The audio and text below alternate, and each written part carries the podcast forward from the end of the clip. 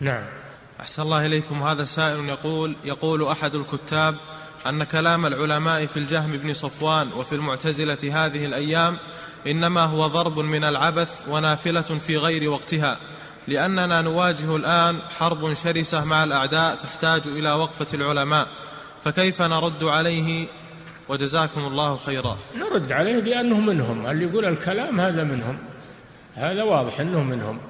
أو أنه جاهل ما يدري إما أنه منهم من الجهمية ويريد يتستر عليهم ولا يفضحهم أو أنه جاهل ما يدري والجاهل ما يؤخذ كلامه ولا يلتفت إليه ولا يعبأ به.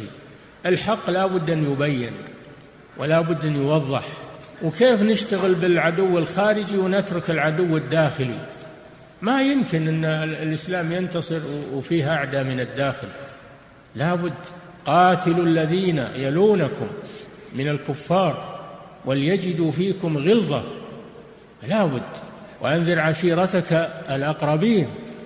لا بد من البداءة بالقريب قبل البعيد. نعم.